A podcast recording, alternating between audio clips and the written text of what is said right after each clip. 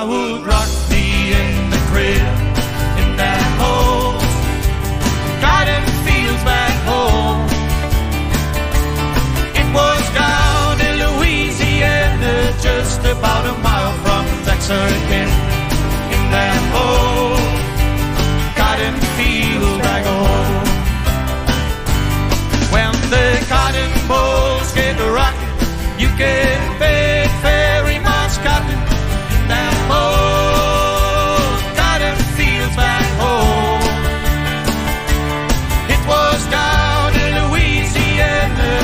just about a mile from Texarkana.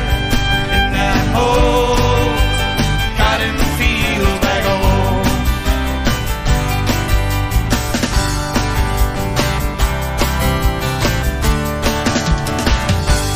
When I was a little, little baby, my mama would rock me in the cradle.